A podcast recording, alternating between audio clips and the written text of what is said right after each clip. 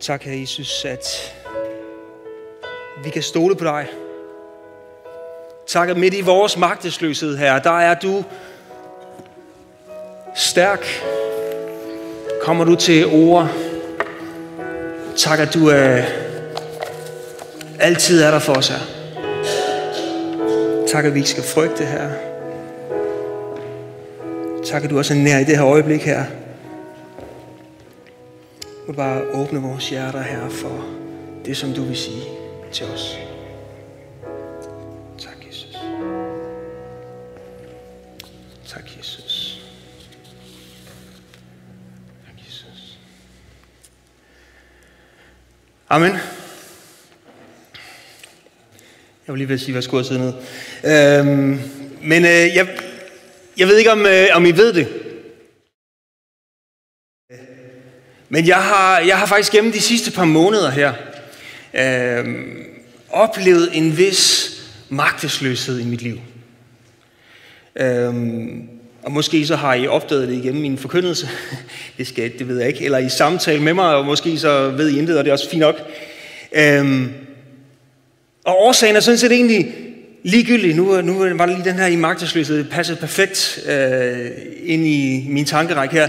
Øh, årsagen er sådan set ligegyldig i forhold til, til, til, til det, jeg vil sige.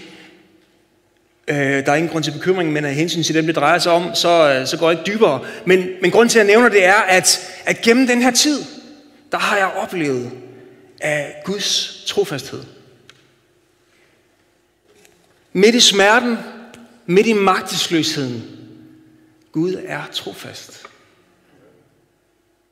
Og jeg kan med fortrøstning selvsikkert i dag stå her og proklamere det, at midt i min svaghed, midt i min egen fortvivlelse, så ved jeg, at Gud han står fast. Og jeg vil gerne dele med jer, hvorfor jeg kan stå her og sige sådan. øhm, sidst jeg talte, så talte jeg om, at, at vi kan komme til et sted i livet, hvor, øhm, hvor vi befinder os midt i sådan en fastlåst situation, som kan se ud til, at det aldrig nogensinde vil blive bedre. Eller i bedste fald, så kommer det i hvert fald til at, at være rigtig længe, før man bare ser en lille bedring.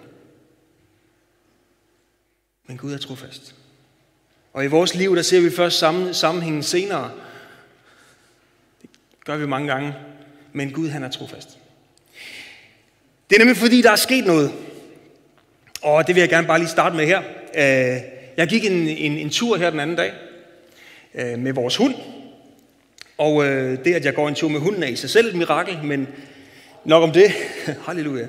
Øhm, men mit hoved, det var, det var fyldt af alverdens tanker om, hvad jeg skulle gøre i den her situation, som jeg befandt mig i. Og nu ved jeg ikke, om det er bare mig, der er mærkelig, eller om I kender det her, men, men, men jeg har det med nogle gange, at, at hvis der er et eller andet, et, enten hvis der er et eller andet vigtigt, jeg skal, en eller anden vigtig samtale, jeg skal, eller, eller, eller noget, som, som der sådan tynger, så har jeg det tit med at foretage, øh, eller, eller konstruere samtaler ind i mit hoved, mellem mig selv, og, og dem, som min, på, den, på, det, på det nuværende tidspunkt, som jeg bekymrer mig om, altså mellem mig og dem, jeg bekymrer mig om, der, der kører sådan nogle samtaler i mit hoved. Det lyder faktisk meget mærkeligt, når jeg selv siger det her. Men, og, og de her samtaler, de ender ikke altid godt, skulle jeg helt sige. Og den dag, der gik jeg med rigtig mange samtaler i hovedet. Og øh, jeg gik op på en, øh, på en bakketop, i, der i nærheden af, hvor vi, hvor vi bor, som, som jeg så tit gør. Og der stod jeg der og, og så ud over øh, Snistrup og Villestofte og hvad der nu var. Øh, og så begyndte jeg at tale med Gud. Og der gik ikke længe, før jeg begyndte at råbe til Gud. Ja, altså, jeg, det var ikke, fordi jeg stod og galede ind over Snestrup. Øh, det, det var jo ikke højt. Det var mere sådan en... Man er vel dansker. Øh, jeg havde også lige sikret mig, at der ikke var andre mennesker i nærheden. Øh, men jeg bad, og jeg bød ind i situationen, og armene viftede, og blodåren i tændingen, den pumpede, og hunden kiggede mærkeligt på mig, og, og alting var bare mærkeligt. Og så blev jeg stille. Så blev jeg stille. Og så gik jeg hjem.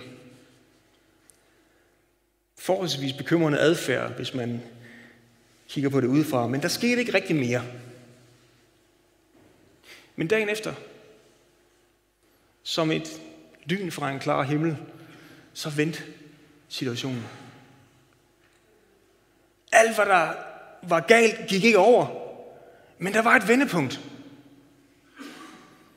Og jeg havde umiddelbart sådan lige glemt min, min, øh, min tid der på bakketoppen. Måske havde jeg fortrængt den, det ved jeg ikke. Øh, men dagen efter igen, så, øh, så kom jeg til at kigge på min dagens ord-app på min, øh, på min mobiltelefon, hvor en masse dejlige bibelvers hver dag.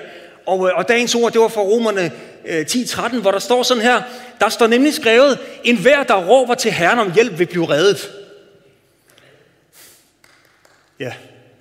Øhm, og der måtte jeg bare ydmyge mig. Der måtte jeg bare, jeg var færdig, jeg var målløs. Gud han havde hørt mig. Gud han havde grebet ind. Måske ikke på den måde, jeg havde regnet med, men han havde grebet ind. Og jeg fortæller jer det her, fordi måske så er krisen ikke overstået. Men Gud er med. Der er håb. Og det gælder jo ikke kun mig. I min sådan egen personlige... Han er der, han er lige der. Han er midt i den krise, som du måske befinder dig i. Hvad end det er.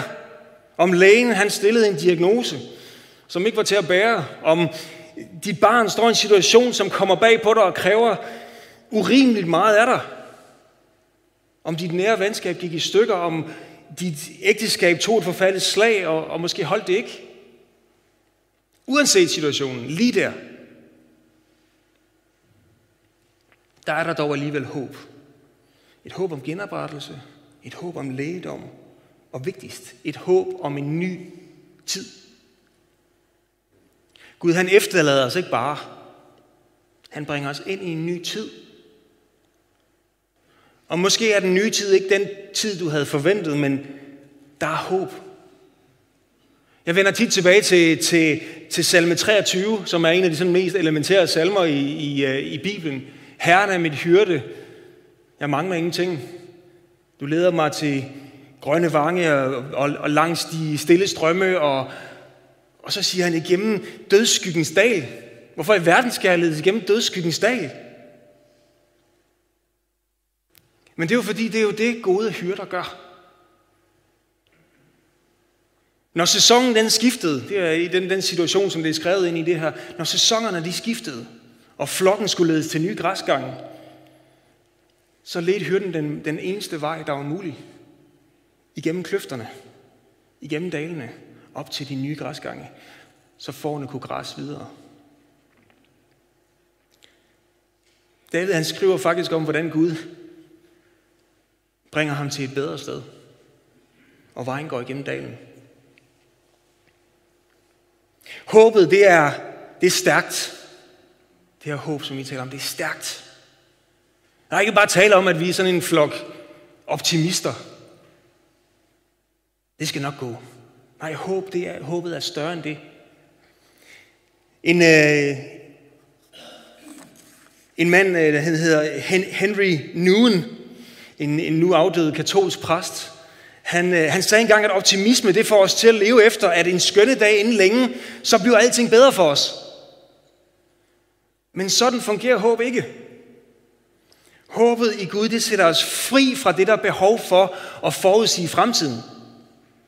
Fordi håbet det tillader os at leve i nuet med en dyb tillid til, at Gud aldrig vil forlade os, uanset hvad. Så meget større. Det er håb.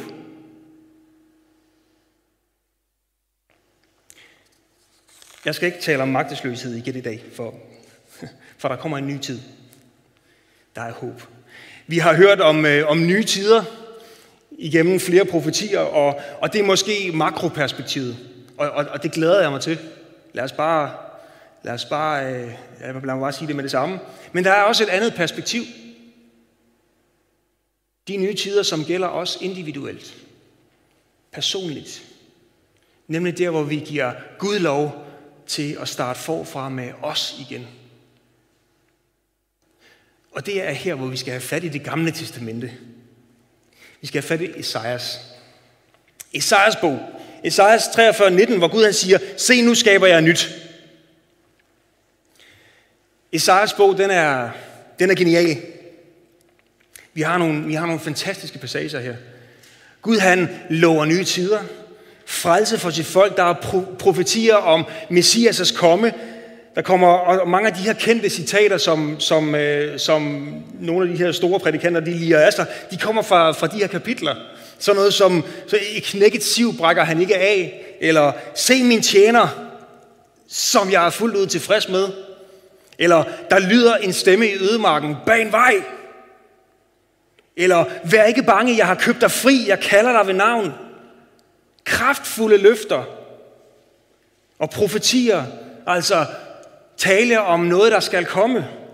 Ovenpå dom og Herrens vrede, det er der også. I kapitel 42 står der for eksempel sådan her om Gud. Øh, han drager ud som en held, som en kriger, og vækker sin lidenskab, skriger og bryster sig i sin styrke over for fjenderne. Mm. Og så siger Gud, jeg har tidet i lange tider, jeg har været tavs og holdt mig tilbage, men nu skriger jeg som en fødende kvinde. Ja, det, det, det kraftfuldt. Ja. Skriver om, hvordan han baner vej for sit blinde folk. Hvordan han skinner sit lys ind i de mørke, de befinder sig i. Rah, hvis ikke det er begejstrende, så ved jeg ikke, hvad jeg er. Og det er lige her, vi er med det her ord. Det her løfte om genoprettelse. Se, nu skaber jeg nyt. Og nu skal vi selvfølgelig pas på, at vi ikke kommer til at lave sådan et, øh, en eller anden fragmenteret udlægning af det her. Vi må ikke tage ordet ud af kontekst. Så, så vi skal lige have vores setting i orden, og den kommer her. Øh, den historiske setting på det her tidspunkt, hvor, hvor øh, i, i hele den her, det, her, det her forløb her, det er, at, at Israel er blevet delt i to. Vi har Israel Nordriget, og så har vi, øh, så har vi Juda øh, i den sydlige del. Og folket i Nordriget, de er allerede på det her tidspunkt sendt til i eksil, og, og det kører heller ikke alt for godt for, for Sydriget, eller for, for Juda selvom at de er noget bedre stillet i starten. De har lige været besejret af Assyrerne, men de er blevet sat fri ved Guds hjælp. Og Hiskia, som er konge af Juda på det her tidspunkt, han gør, hvad der er godt i Guds øjne. Øh, det er ikke alle kongerne, der gør det. Det er langt fra alle kongerne, der gør det. Der står altid ude for, for, for, for de her konger, at han gjorde, hvad der var godt i Guds øjne. Han gjorde, hvad der var ondt i Guds øjne. Og han gjorde, hvad der var godt. Og så kommer der en masse, der gjorde noget ondt, og så kommer der ingen, der gjorde noget godt igen. Hiskia var en af dem, der gjorde noget godt. Gjorde godt i Herrens øjne. Men vi ved, at i årene, der kommer, så går det også helt galt for dem. Og de ender også i eksil i Babylonien. Og midt i hele det her, der kommer blandt andet også en, en, af, en af de her profetier om Messias, som vil træde frem og fører retfærdighed igennem til sejr, og som vi når ud til fremmede folkeslag.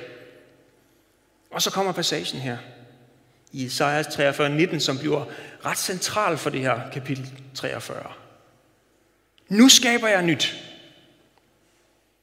Nu spiger det frem. Ved I det ikke? Ja, jeg lægger vej i ørkenen og floder i ødemarken. Og her skal vi forstå, at profetier i det gamle testamente, de, kan, de skal, eller kan, kan og skal ofte læses på, på flere niveauer. Og den her, det er ingen undtagelse. Ofte så har vi både det pålydende, det nærværende, men vi har også det symboliske og det langsigtede. Det pålydende og nærværende. Gud vil føre Israel tilbage fra eksilet, og uden jeg skal kloge mig på, hvilken vej de tog tilbage, så er, det, er der nok ikke nogen tvivl om, at det er foregået gennem ørken og ødemark. Men de skulle lov, få lov til at se, at det skulle blive frugtbart. Og hvad er det med os at gøre så? Jo, rent symbolisk, så, så omtales hedningerne tit som ødemark øh, og ørken i profetbøgerne. Og hedningerne, det var jo dem, som ikke var regnet med i Guds folk. Altså det vil sige alle ikke-jøder, så det var a.k.a. os i virkeligheden, med mindre vi har jødisk baggrund. Øh, så er vi hedningerne. Øh, og det giver et eller andet sted verset her en dybere betydning. Det nye Gud, han skaber, er ikke kun hjemvendelsen fra eksilet. Det skal også få betydning for ikke-jøder. Hele verden skal opleves, at der banes en vej. At livets vand kommer ud til os alle gennem Messias, gennem Jesus Kristus. Og, og, og det her vers, det er sådan ret, ret smukt øh, indrammet af, af vers 13 og vers 25, øh, hvor der står i vers 13, hvor, hvor, hvor Gud han siger, også for fremtiden er jeg den samme. Ingen river noget ud af min hånd. Hvem kan gøre det ugjort, når jeg handler? Så bruger han vers 14-18 til at tale om, hvordan han har frelst Israel i fortiden igennem det røde hav og udslettet Faros her. Og så kommer verset her. Nu skaber jeg nyt. Det spiger frem allerede. Ser I det ikke? Ligger vej i ørkenen, floder af ødemarken. Så fortsætter han i vers 20-24, hvor han taler om, at folket de har fået lov til at drikke det her vand. Men de gav ham ikke ære, men de, de trættede ham bare med, med, med deres synd. Og så siger han i vers 25, det er mig, kun mig, der sletter dine overtrædelser. For min egen skyld husker jeg ikke på dine synder. Og når vi så lige ser det i, i sådan et, et billede, jeg synes, det, det er sådan et stærkt billede, det er sådan et godt billede, og det har meget større perspektiv. Gud har skabt nyt. Gud skaber nyt. Han er den samme i dag. Ingen river noget ud af hans hånd. Det kan vi stole på. Frelsen ved Jesus er, er i dag, den dag, der er lige så frisk, lige så ny, som den var, da han kom til os første gang. Gud tordnede ud for at frelse os, og hans lidenskab blev til liv for os. Han sendte Jesus, så synden kunne slettes. Og det er den virkelighed, vi lever i. Er det ikke begejstrende? Så den nyskabelse, Gud han, han taler om, handler ikke bare om spændende ting, der skal ske i den kommende tid. Det bliver spændende. Men det handler også om vores overgivelse til den levende Gud. Ja, det nye er, det er, at du giver Gud, det er, at du giver Gud lov til at starte forfra med dig igen. Han får lov til at forme dig efter sin vilje. Han ønsker adgang til dit liv. Og i hans hånd, der er du det bedste sted, du kan være. Så det vil sige, det handler ikke om, hvad Gud han kan gøre for dig. Det handler om, hvad han kan gøre med dig, eller få lov til at gøre med dig, eller i dig. Gud han har allerede skabt nyt, da Jesus han døde og opstod. Så, nu er det din tur til at svare. Øhm, må han forme dig? Har du lyst til at opleve, at ødemarken overrisles af levende vand? Tror du på, at Gud sørger for dig, selv når din ødemark ser alt andet end frugtbar ud? Fordi selv der er han i færd med at skabe nyt. Måske netop der er han i færd med at skabe nyt. Og det er her, at, at bønden den bliver så mægtigt og så vigtigt et redskab. Og det har jeg også erfaret gennem de måneder, jeg, øh, de sidste par måneder her, hvor vigtigt og mægtigt et, et redskab det i virkeligheden er, eller værktøj. Og nu skal vi have, vi skal lige have fat i Søren Kierkegaard. Jeg, jeg, øh, øh, Søren Kierkegaard, han, han skriver om, hvad vores, bønder, han, hvad vores bønder gør i os. Og nu skal jeg ikke trætte jer med et eller andet længere Kierkegaard-citat. Øh, han er nok i virkeligheden lidt for kringlet sådan en søndag formiddag. Men, øh, men så lad mig lige kort citere øh, Joachim Gaff, som er en, en dansk teolog, som for nogle år siden skrev øh, en bog, eller udgav en bog med Kierkegaards bønder på hverdagsdansk. Det er vigtigt, når det er Kierkegaard. Man troede, at Bibelen var svær at læse. Nej. Øhm, men Joachim Gaff her, han har, han, har, han har tykket stoffet lidt for os, men, men det er måske stadigvæk lidt kringligt, så hæng lige på. han, han skriver sådan her. Den strid, der pågår i bønden, er den bedendes strid med sig selv, om hvem og hvad den bedende er i forhold til Gud, og hvem, er hvad, hvem og hvad den bedende er i forhold til sig selv. Bønden bliver derved en slags omdannelse af den bedende, hvis selvforståelse brydes og forskydes, og derpå er der samles i Gud som et uforanderlighedens prisme. Er I med?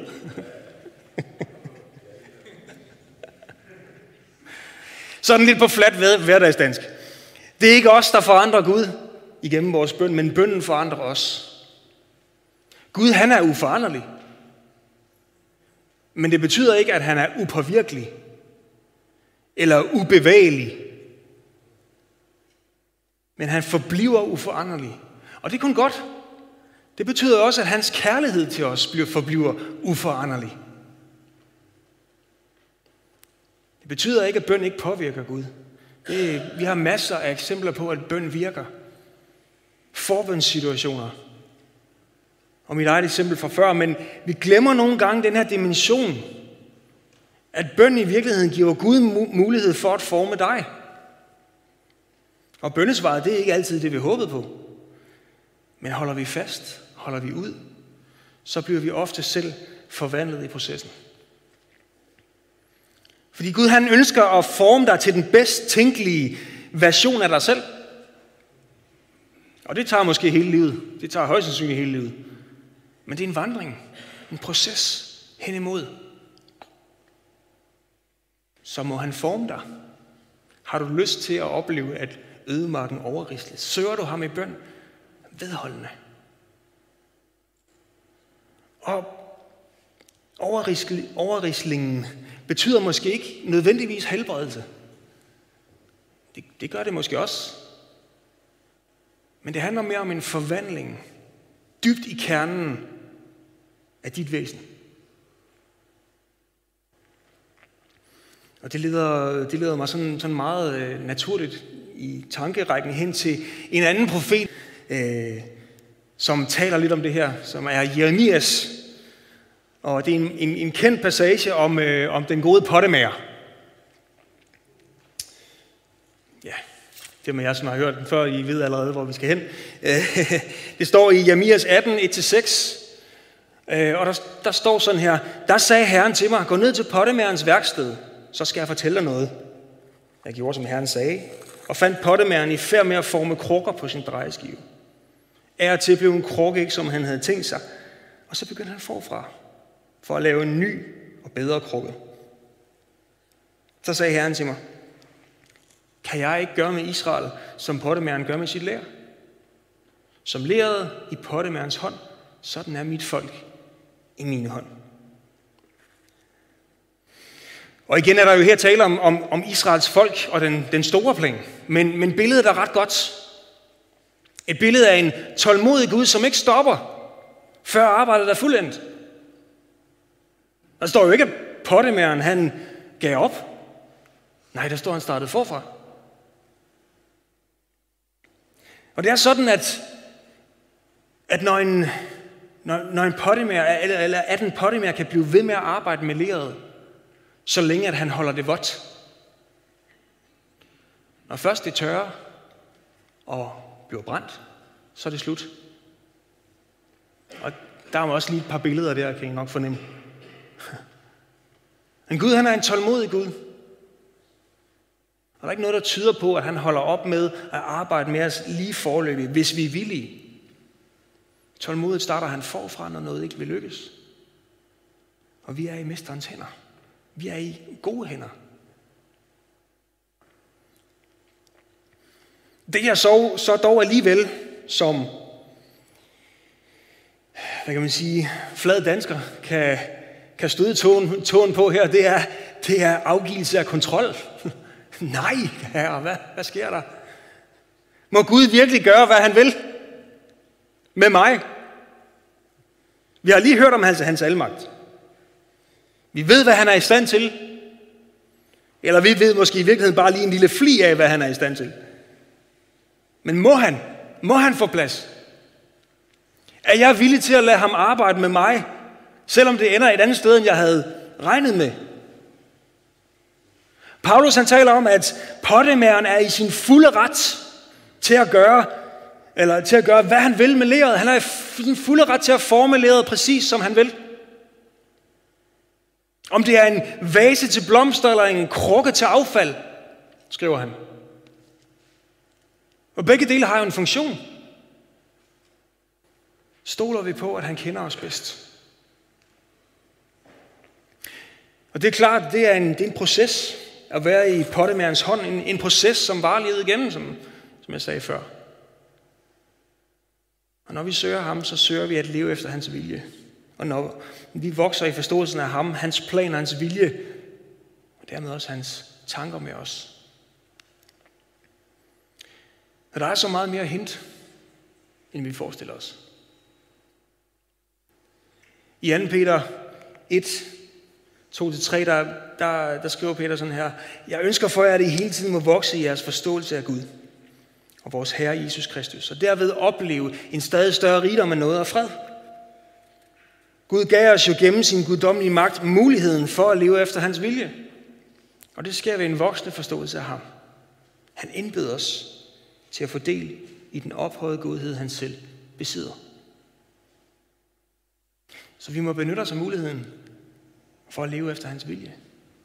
Og jo mere sultne vi bliver på ham, jo bedre lærer vi hans vilje at kende. Jo mere vi lader ham forme os, jo tættere på hans vilje kommer vi. Men vi er jo stillet over for en mulighed. Gud har gjort så meget, han kan så meget, han er, men han tvinger os ikke. Han er tålmodig, arbejdende med os. Han tvinger os ikke ind i sin vilje. Han giver os muligheden for at leve efter hans vilje. Og det gør muligvis ondt, når han arbejder med os. Men vi kan stole på et godt resultat. Og det betyder selvfølgelig også, at vi har muligheden for at lade være. Vi kan godt hoppe af drejeskiven. Mærkeligt øh, sådan syn, men det kan vi godt. Vi kan selv vælge. Vi har stadigvæk selv ansvar for vores eget liv. Husk, det handler ikke om, hvad Gud han gør for dig, men hvad han gør med dig eller i dig. Og endeligt, hvad han kan gøre igennem dig.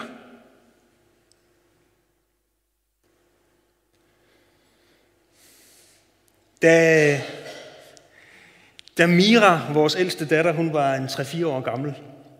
Ja, undskyld Mira, nu, øh, nu prøver jeg lige et eksempel med dig. Øh, så bad vi altid sammen, når hun, når hun, øh, når hun blev puttet om aftenen. Og så spurgte jeg gerne, om øh, er der noget, vi skal bede for? Og hun svarede med garanti hver gang. Ja, vi skal bede for, at jeg ikke må stå op. Det vil sige, vi skal bede for, at hun ikke må stå op, når hun først var blevet puttet. Super. Vi bad altid for det, men det var 100% sikkert, at to minutter efter jeg var gået ud af værelset, så stod hun ude i stuen. Stort set hver gang. Øhm, og her var det jo så, at jeg måtte prøve at forklare hende, den her lille fireårige pige, tre-fireårige pige, at hun, at hun ligesom selv måtte være med til at, at, at lade være med at stå ud af sengen, før det virkede. Det er jo ikke, altså... Men jeg måtte bare erkende gang på gang, at, at, at jeg nåede ikke igennem til hende. Og nogle gange så tror jeg måske, at Gud han har det sådan med os. Vi beder Gud, giv mig tålmodighed. Og så kort tid efter, så hisser vi os op over alle de latterlige søndags, søndagsbilister, der er i trafikken i dag. et eksempel, men vi har et ansvar. Jeg tænker da, at Gud han vil give dig mulighed for at være tålmodig, når du beder om tålmodighed. Nå, lille afstikker. Gud han har allerede skabt nyt gennem Kristus. Og det nye i dag, det er, at du giver Gud lov til at starte forfra med dig igen. Han får lov til at forme dig efter sin vilje. Han ønsker at have adgang til dit liv. Han ønsker at bruge den situation, du befinder dig i. Søg nærmere. Lad være med at vende dig væk. Søg nærmere. Og lad os være udholdende i bønden. Det er her, hvor vi tuner ind på hans hjerte. Det er der, hvor vi finder håb, for der er håb. Og det er der, vi finder glæde og fred. Uanset hvordan situationen ellers ser ud. Og så skal du nok få lov til at opleve grønne enge frem for ødemark. Herinde. Og mere af alt det, som Gud han også vil gøre igennem dig. Lad os bede sammen. Far, tak, at du kommer til os her. Tak, at øh, der er håb i dig. Tak, at der findes fred i dig her. Og tak, her, at vores situation, hvordan den end ser ud her, ikke skal er så overskyggende her, at du forsvinder. Men tak, at du må blive tydeligere her i vores liv, i vores hjerter. Tak, at du må blive tydeligere her, når vi kommer til dig i bøn. Vi kommer til dig og søger dig. Så jeg tak, at du må tale til hjerterne her. Om at du vil nærmere. Ønsker, at vi skal komme nærmere. Tak, at du griber ind her. Der, hvor der skal gribes ind. Vi beder stadigvæk om helbredelse de steder, hvor der er brug for helbredelse her. Jeg beder om, at du griber ind her. Og tak, at vi må komme til dig. Tak, Jesus. I dit navn. Amen.